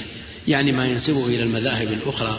قد يقع فيه شيء من الخطأ في النسبة لا من حيث أن هذا القول لا يوجد في هذا المذهب. لكن قد لا يكون هو المعتمد في المذهب. فعلى طالب العلم أن يعنى به عناية كبيرة. هناك كتب في إعراب القرآن وكتب في علوم القرآن كثيرة جدا. كل فن من الفنون يحتاج إلى حلقة. الله المستعان نعم. إذا اللي أخذ اتصال معي فضيلة الشيخ الدكتور عبد العزيز العويد حياكم الله فضيلة الشيخ. أهلا وسهلا. ومسا الله شيخنا الشيخ عبد الكريم بالخير. الله. الأستاذ فهد والإخوة العاملين في البرنامج. صلى الله عز وجل أجر مثوبة تفضل يا شيخ. آه بسم الله الرحمن الرحيم. الحمد لله رب العالمين. صلى الله وسلم وبارك على محمد وعلى آله وصحبه وسلم تسليما كثيرا. إلى يوم الدين. وبعد الحقيقة احسن الإخوة آه الاختيار وأضاف على حسن الاختيار آه اختيار العالم المتخصص في هذا المجال. فجزا الله الجميع خيرا وكتب له اجر مثوبا. أنا لا أستطيع أن أقول أني أقدم شيئا أو أريد أن أقدم شيئا إنما هي استفسارات وسؤالات علمية. اوجهها لفضيله الشيخ. وأطمح منه متفضلا مشكورا أن يضع نقاطها على الحروف. تفضل. السؤال الأول المسألة الأولى هي طريقة طلب العلم الشرعي فضيلة الشيخ. ألا ترى أنها تهمش دور كتاب اليوم في حياة الطالب باعتماد التعليم سواء في المسجد أو في الكلية المتخصصة بالعلم الشرعي الكتابة أو على المذكرة؟ فنريد من فضيلتكم وقفة حول هذا المنهج وما هو الطريقة الصحيحة.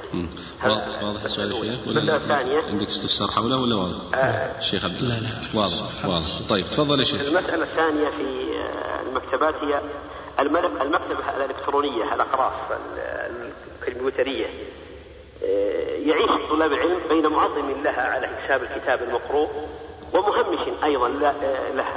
ثمة رأي ثالث يرى أنها تفيد في الفهرسة والتقريب المعلومة وسهولة الحصول عليها مع الحاجة الشديدة الكتاب يعني نريد القول الصواب آه، في الموقف الصحيح طالب العلم منها كمكتبة نعم. آه، المسألة الثالثة التي يريد أن أطرحها هي آه، اليوم تنتشر المكاتب في بيوتات طلبة العلم وبشكل كبير نعم.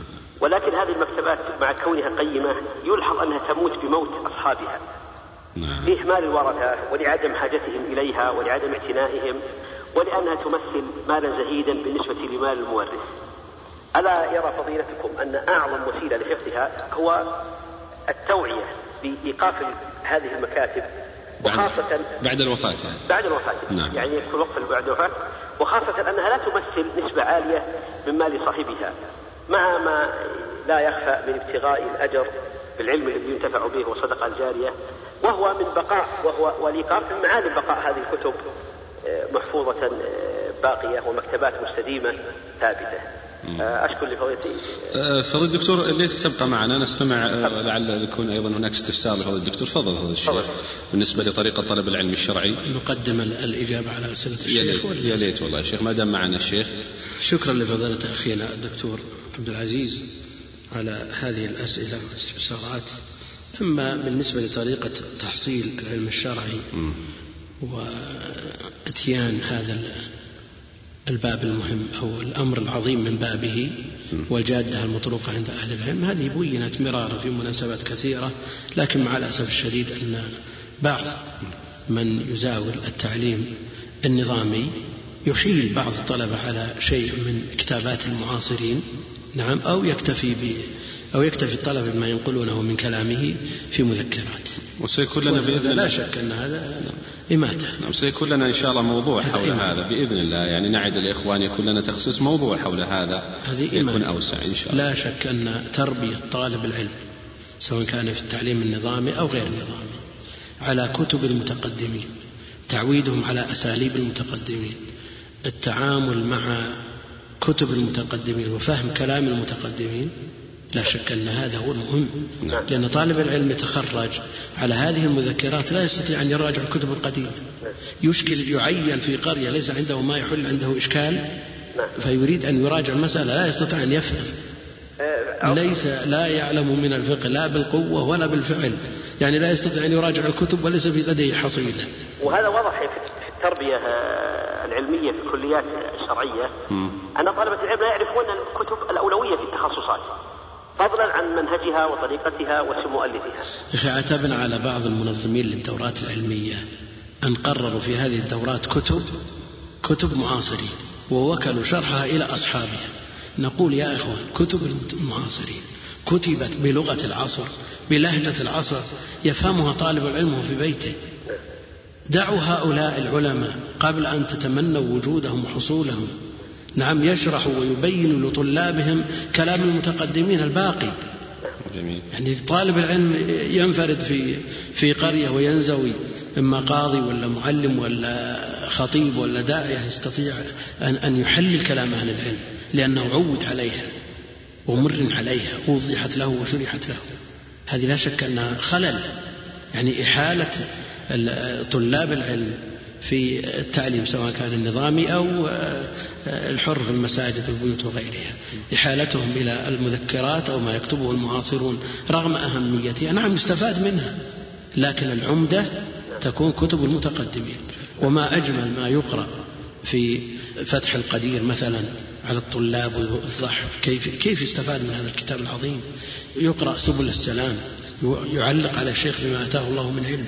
ويوضح ويحلل ويحرر المسائل ويرجح. فيربط الطلاب بكتب المتقدمة التي هي التي سوف تبقى عندهم.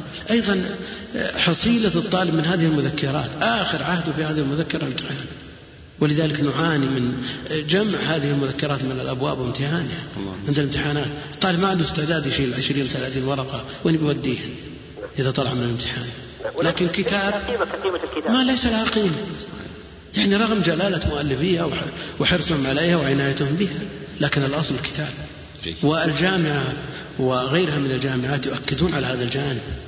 وفي لقاءات مع المسؤولين في الجامعة يحذرون أشد الحذر من اعتماد المذكرات. يعني كيف يتخرج طالب علم متخصص بالعلم الشرعي على مذكرات؟ اللهم. كيف ينفع الجيل القادم وعمدته مذكرات؟ المقصود أنه لا بد من العناية بكتب المتقدمين وهذه المسألة الأولى. أما المكتبة الإلكترونية تحدثنا عنها الحقيقة. المكتبة الإلكترونية تحدثنا عنها نعم. وأفضنا فيها وفي أيضا في مناسبات كثيرة والرأي الوسط هو المعتمد. طيب. يعني لا نقول أنها لا يمكن أن يستفاد منها ولا نقول أنه يعتمد عليها. يستفاد منها بقدر الإمكان. الكتاب هو الأصل. يبقى أن الوسيلة الوحيدة للتحصيل قراءة الكتاب على الشيخ. قراءة الكتاب على الشيخ. لا يستغنى بالكتاب وهذا يأتي التنبيه عليه إن كان الوقت يسعف. لأن عندي وصايا في آخر الوقت لعل فيه لأن المسألة طالت وبقي كتب حديث وتفسير ما يتعلق, ما يتعلق بوقف المكتبات ونختم به يا شيخ اتصال المكتبات آه، حقيقة مر علينا آه، أمور من ومعاناة من الورثة. يعني شخص توفي رحمه الله في آه، بعض القرى ما كان من أولاده إلا أن خلعوا باب المكتبة وبنوها بالطين. بنوها؟ بالطين. نعم, نعم شمعوا عليها بالطين وخلاص التبرع غير موجود. لما تحدثوا مع أحد من المختصين أو كذا وبينت لهم أهميتها فتحوا الباب فوجدوها قد أكلتها الأرض. ذكر لنا قاضي من قضاة الخارج توفي رحمه الله. ذكر لنا لديه مكتبة فذهبنا إليها لنشتريها. نشتري هذه المكتبة. ففوجئنا أنهم انتقلوا من البيت الأول إلى البيت الثاني بيت الطين إلى فيلا جديدة. فقال أولادهن النساء قالوا هذه كتب تجمع علينا الحشرات والصراصير و... والأرضاء وال... نعم ورميناها بالزبالة برا بالشارع لا حول ولا قوة وقس على هذا كثير يعني مخطوطات وجدت في الزبائن مخطوطات. توفي أحد طلبة العلم عليه رحمة الله عنده مكتبة في تقريبا عشرة في عشرة أمتار. فرحل أولاد البيت آخر وما كلفوا أنفسهم على الكتب فأوصوا الناس أن الباب مفتوح من يريد أن يأخذ فليذهب يأخذ منها ما يريد. لا أدهى, أدهى من ذلك واحد من أهل العلم المعروفين توفي قبل يمكن أربعين سنة. توفي فجمعت مكتبته في آه، دورة مياه لكنها ملغاة. يعني ما ما هي مستعملة. في السطح نعم. فتلفت من السيول يا الله. والأمطار. هذا على كل هذه مآسي مآسي. يعني يرى معه أن الإيقاف هو من أعظم ما في شك الإيقاف هو الوسيلة الوحيدة اللي يستفاد منها صحيح. وعرفنا أن الجامعات لها عناية بالكتب ولديها من المختصين ما لديهم مع أن عندي أو لدي ملاحظة على أن يتولى هذه المكتبات العامة ناس من هواة الكتب من أصحاب الكتب من أهل الكتب. لا يكفي أن يكون متخصص في المكتبات. مع الأسف الشديد أنا حضرت محاورات في مكتبات مركزية كبيرة بين أمين المكتب وبين المستعير. أمين المكتب يقول لا هذه نسخة لا تعار. وهذه النسخة لا بأس خذها. فإذا بالنسخة المتاحة للإعارة هي الأصلية. والنسخة التي لا تعار طبعة دار الكتب العلمية من الطبعات الجديدة مكتوب عليها لا تعار. شيء كثير يعني آه، شيء تصل القلب. لكن آه، هم آه، مسألة التخصص أمر لا بد منه. يجمع إلى هؤلاء ويوضع عندهم الناس اللي هواة الكتب نعم. على كل حال. شكر الله لكم. شكرا لكم فضيلة الدكتور. هذا يطول يعني. جزاك الله خير. الله يبارك فيك. شكرا شكرا فضيلة نعم، الدكتور. السلام ورحمة الله. آه، نعود لاستكمال بقية الكتب خصوصا الإخوة في حرص الحقيقة وشغف لاستكمالها. هناك كتب إعراب القرآن العكبري والنحاس المتأخرين أيضا لهم مساهمة جيدة في هذا الباب. وعندي أن كتب إعراب القرآن ينبغي أن يستفاد منها. يفاد منها في فهم القرآن وفي إتقان اللغة إتقان النحو والصرف. فطالب العلم إذا عني بكتب إعراب القرآن إذا عني بكتب إعراب القرآن استفاد فوائد عظيمة. أتقن اللغة من جهة وفهم القرآن وخير ما يمرن عليه طلاب العلم في اللغة. وهذا آه، اقتراح نوجهه إلى المختصين في هذا الباب أن يعربوا القرآن. يعني درس نحو مثلا أو في نهاية الفصل يكلف الطلاب بإعراب الفاتحة مثلا. نعم. ثم بعد ذلك يقابل إعرابهم بكتب إعراب القرآن ويصوب ويسدد. ويمكن أن يقوم به كل شخص فردي. كل فرد بمفرده يقوم بهذا العمل. يعرب الفاتحة ثم بعد ذلك يعرض ما كتبه على كتب إعراب القرآن ويستفيد فوائد عظيمة. هناك كتب علوم القرآن مقدمة التفسير لشيخ الإسلام ابن تيمية في غاية الأهمية فيها توجيهات وأمور لا توجد في غيرها منظومة الزمزمي منظومة مختصرة وعليها شروح الإتقان في علوم القرآن للسيوطي أيضا كتاب جامع والبرهان للزركشي كتاب حافل مناهل العرفان للزرقاني أيضا هذا كتاب مرتب ومنظم رغم أنه ناقص القواعد الحسان لتفسير القرآن للشيخ عبد الرحمن بن سعدي من خير ما يستفيد منه طالب العلم في هذا المجال المقصود أن الكتب كثيرة ولسنا بصدد آه، آه، قوائم سرد قوائم كتب وأسماء كتب طيب. لأن هذه تكفل بها طيب. الناس ناخذ الشيخ فن آخر ممكن ما دام لم يتبقى معنا الوقت فناخذ يعني نبذ يسيرة مثل العقيدة. أحسن الله اليك ممكن نشير لطلبة العلم بعض الكتب. العقيدة لما ظهرت الفرق والطوائف أحتاج الناس إلى تدوين ما يتعلق بالعقيدة المستمدة من الكتاب والسنة. ألف العلماء المتقدمون كتب العقائد سموها كتب السنة في الاسانيد وجمعوها من الكتاب والسنة ومن أقاويل الصحابة والتابعين التي هي العمدة في هذا الباب. وليس لمتأخر أن آه، يخرج عن هذه المصادر في هذا الباب.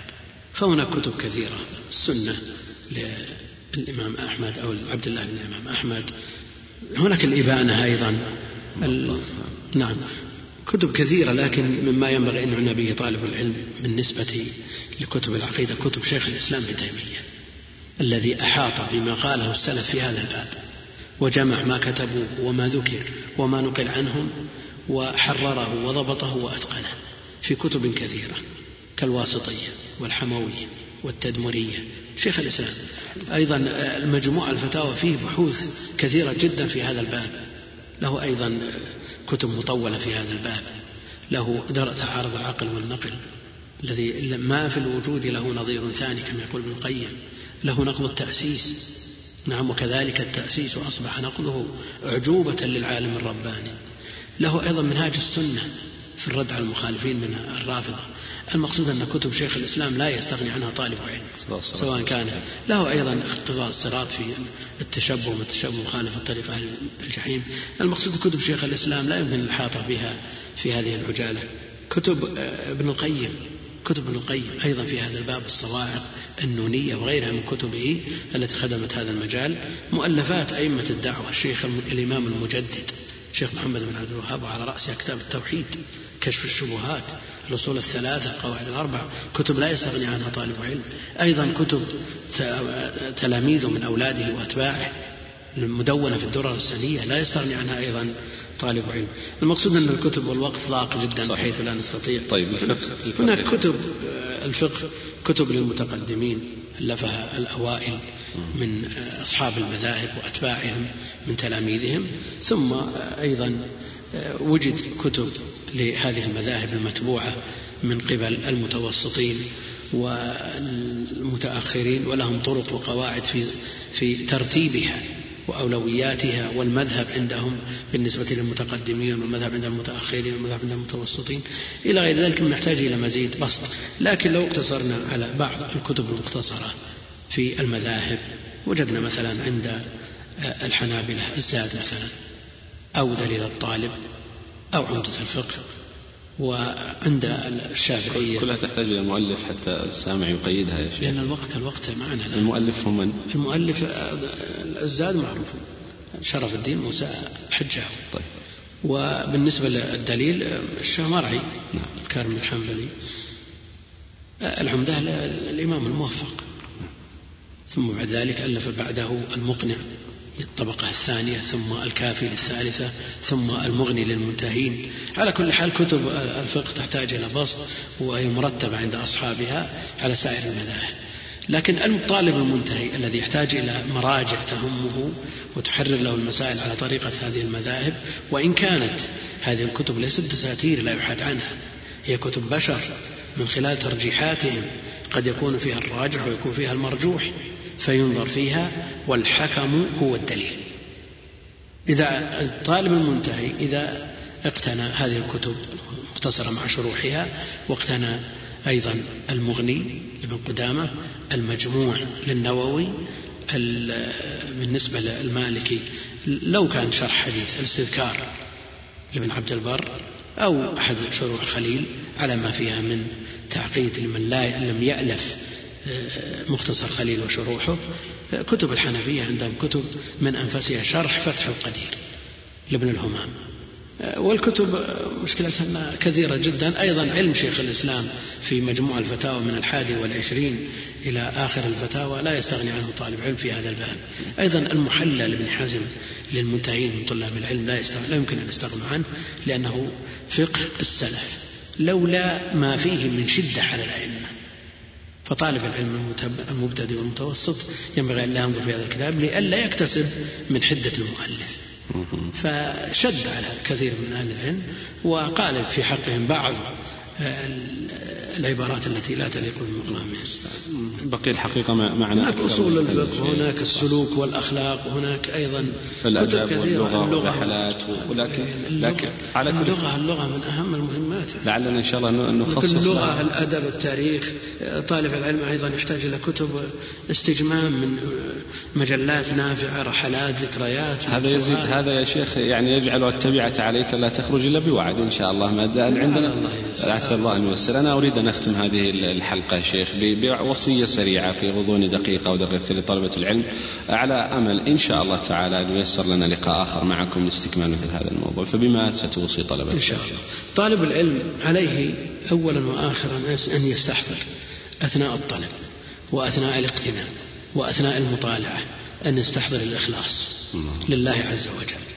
أثناء شراء الكتاب وأثناء مطالعته والإفادة منه يستحضر هذا الإخلاص لأن لأن الهدف من القراءة تحصيل العلم الشرعي والعلم الشرعي أشرنا سابقا إلى أنه من علوم الآخرة المحضة من أمور الآخرة التي لا تقبل التشريك. فعلى طالب العلم أن يستحضر والنية شرود وفي خضم هذا الكم الهائل من الكتب ويبحث يمين ويسار وقد يغفل عن هذا. على كل حال عليه أن يستحضر هذا فهو الأساس وهو الأصل. على طالب العلم أن يهتم باقتناء الطبعات المصححة والمحققة.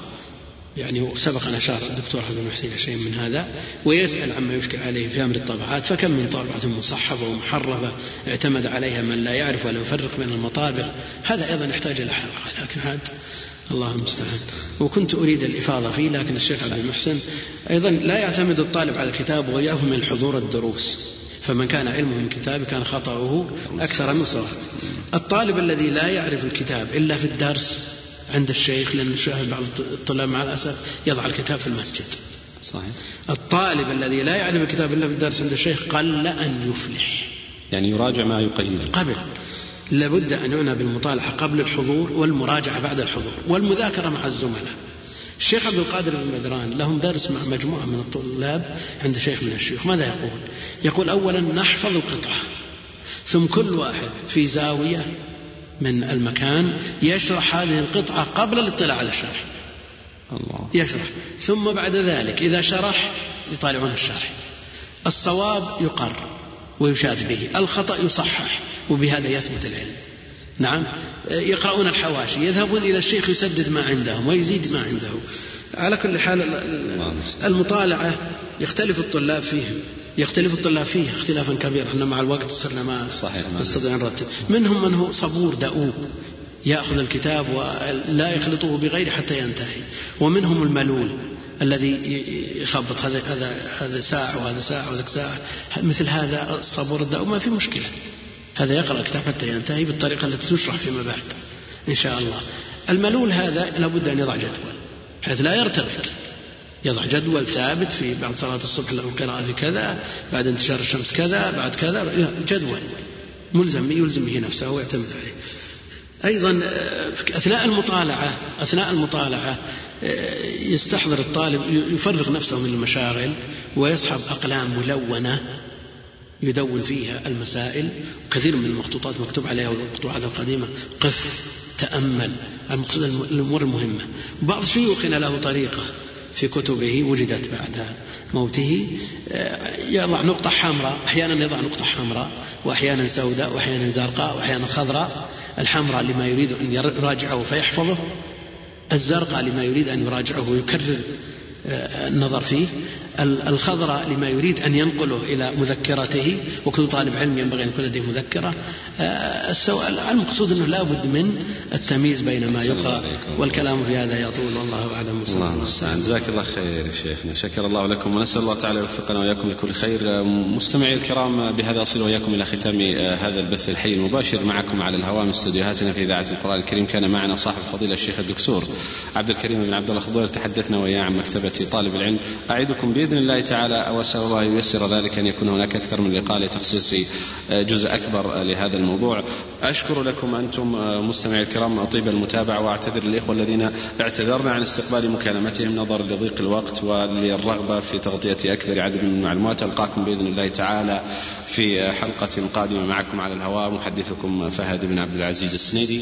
والسلام عليكم ورحمة الله وبركاته. جزا الله فضيلة الشيخ خير الجزاء. وجعلنا الله وإياكم ممن يستمعون القول فيتبعون أحسنه. وتقبلوا تحيات إخوانكم في تسجيلات الراية الإسلامية بالرياض والسلام عليكم ورحمة الله وبركاته.